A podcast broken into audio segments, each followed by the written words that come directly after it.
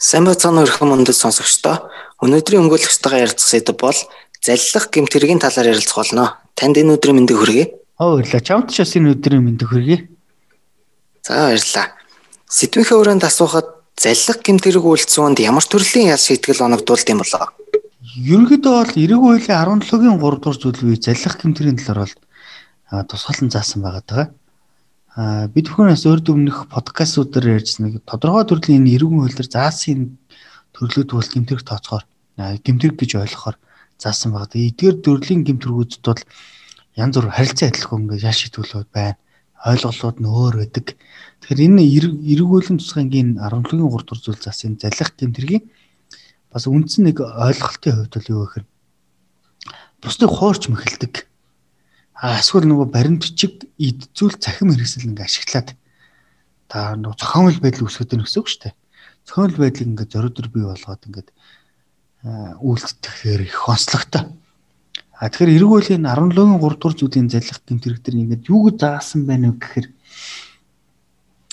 хуурч тийм эхлэж одоо баримт эсвэл баримтчиг эд зүйл эд зүйл цахим хэрэгсэл ашиглаад а зохиомл байдлыг зориудөр бий болгоод а сүшиг сүсэг одоо бусдыг ингээд ихтгэл өмжлөлийн ингээд алимдуулаад а бодит байдлыг ингээд магадгүй бодит ингээд үнэн бодит байдлыг ингээд нуух бусдад төөрөгдөлд оруулаад үүсгэж байгаа. А зарим тохиолдолд бас ингээд илрээд байгаа шинжүүд нь бас байдаг.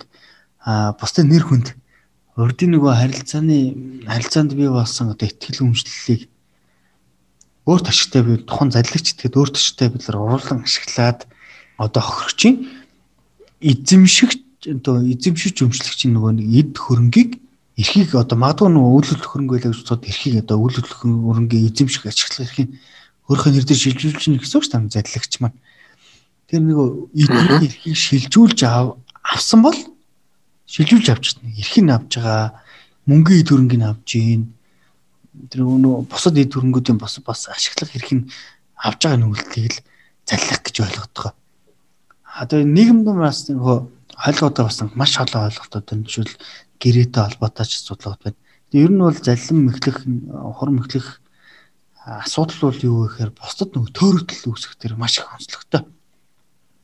Бусдад бас итгэл өмжил төрүүлгээр маш их онцлогтой. За яаж вэ гэхээр одоо би танаа хүүхдийг сургуульд оруулаад баг тий. гэт хэлээд тэгэхээс мөнгө авчдаг. Эсвэл нэг тэр албан тушаалд оруулаад баг гэ мөнгө авчдаг. А гэтэл эцэн дунд бол тэр шийдвэрийг гаргах хүмүүс биш аахгүй. А тийм хүмүүс хөтлөм эхлэх гэмтрийг хийдэг. Ер нь бол нүг эрх бүхий албан тушаалтан биш байж ээж эрх бүхий албан тушаалтныг гаргах шийдвэрийг урдаас таамаглуулж хилүүлээд идэг. Ийм бас нэг онцлогуд нэг бодит амьдрал дээр харагдаад байна.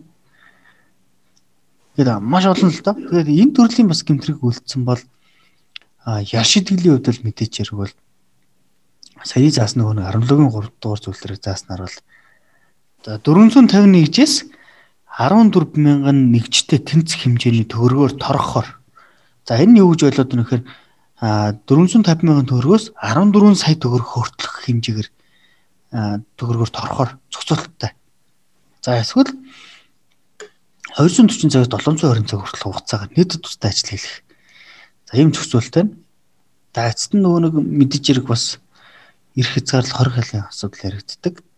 За 6 сараас 3 жил хүртэлх хугацаагаар зорчиг эрхийг хязгаарлахаар энэ төрлийн гэмтэр гүйлцсэн бол хязгаарлалаа зохицуулттай.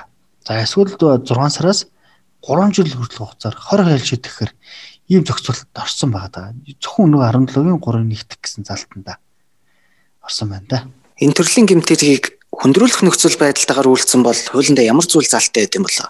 Аа Мэдээж э, бас урд өмнөх подкастуудаар ярьж ирсэн. Хүндрэл нөхцөл байдлаар үйлдсэн бол илүү бас ялгамжтай ялан ялгамжтай байдал оногддог. Яш өдөглийн хувьд бол ялгамжтай байдаг гэдэг юм ярьжсэн. За энэ төрлийн дээр ч бас яригддаг. За та ялангуул эргүүлийн 17-гийн 3 дугаар зүйлийн 2 дахь хэсэг зааснаар бол энэ гэмтэргийг бол дараах байдлаар ингээд хүндрэлж үзнэгээд тодорхой төрлийн бас нэг заасан байгаа. За тухайлбал яг 17-гийн 3 хоёр хоёрын нэг зааснаар албан тушаалын байдлыг ашиглаж үлдсэн бол хөндрүүлж байгаа. За мөн дээрэс нь бусдад ноцтой магадгүй их хэмжээний хохирол учруулж үлдсэн бол энэ хоёрын үйлдэлийг хийсэн бол 10 мянган нэгжээс 40 мянган нэгжтэй тэнцэх хэмжээний төгрөгөөр торох эсвэл 2 жилээс 8 жил хүртэл хугацаар 20 хэл амтуулахаар зохицуултаа. Тэрхүүр бол албан тушаалын байдлаа ашиглаад бусдад төөрөгдөл үүсгээд тий эд зүйлийг аваад тэр хүнд ямар ч ашиг хүртэхгүй тийм ээ. Тийм болгочвол саяны энэ өмнө байгаа 17-гийн 3 2 дахь хэсгээр зөрчлөгдөн. Аа өстой их хэмжээний хохирол очуулж байгаас ойлголтууд байна. Одоо нэг гадуур ус маш их эрэгддэг л та. Их хэмжээний хохирол очуулчихсан ойлголтууд байна. Тэгэхээр ийм тохиолдолд бол 2 жилээс 8 жилийн 20 хал шидэхдгээр эсвэл нөгөө нэг 10 саяас 10 сая төгрөгөөс 40 сая төгрөг хүртэлх хэмжээгээр торох шийдэл онгодуулахар байгааддаг. За мөн дээрэс нь бас энэ төрөл маань энэ төрлийн гэмтэрэг бас их онцлогтой.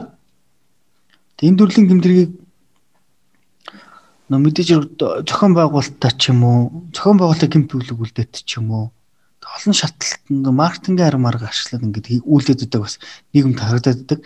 За тухайлбал 17-гийн 3-ын 3 дугаар зүйлд зааснаар энэ гэмтрийг нэгт байнга үлдэж одоо амьдралын хүсвэр болгочихсон бол а хоёрт одоо олон шатлалт маркетингийн бидний яриад байгаа нэг тий шатлалтаа тий тэр захирал энэ захирал гэдэг шиг тий гэдэг юм шатлалд оруулчихсан маркетингийн байдлаар. А пирамид тогтолцоонд одоо энийг бол пирамид гэж хэлнэ л бизнесээр бол. Пирамид тогтолцооны одоо ловрын аргаар үлдсэн бол за гурд мэдээжээрийг зохион байгуулалтаа гинт бүлэглэл бүлэг буюу бүлэг үлдсэн бол 5 жилээс 12 жил хүртэл хугацаар хорх хэршигдэл оромтуулаар. Сая миний хэлсэн нэг 17-гийн 3-ын 2-т заасан үйлдэлээс илүү ноцтой байна шүү дээ тийм үйлдэл маань. Аа. Тэгэхээр ийм үйлдлийн шинжт нь хамаарж л энэ яширтгэл ялгамжтай байдаг. Тэгэхээр энэ залхах гэмтэргийн бас нэг олон зүйл асуудлууд байгаад байна. Хохирчийн бас хувьд бол бас маш их төөрөгдөлд ордог.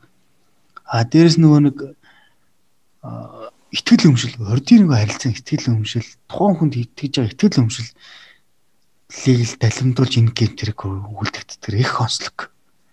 Энэ хүрээд подкаст маань өндөрлөж байна. Зөвлөгөө өгсөн өмгөөлөгч чулуун гэрэлтэй баярлалаа. 7 хоног бүрийн 5 дахь өдөр болгон подкаст маань орхолно. Та бүхэн маань ярилцсан сэдвтэй холбоотой сэдвэр зөвлөгөө авах бол дор дурдсан пэйжүүд болон утасны дугаараар холбогдож болно. Анхаарал тавьсан явдалд баярлалаа.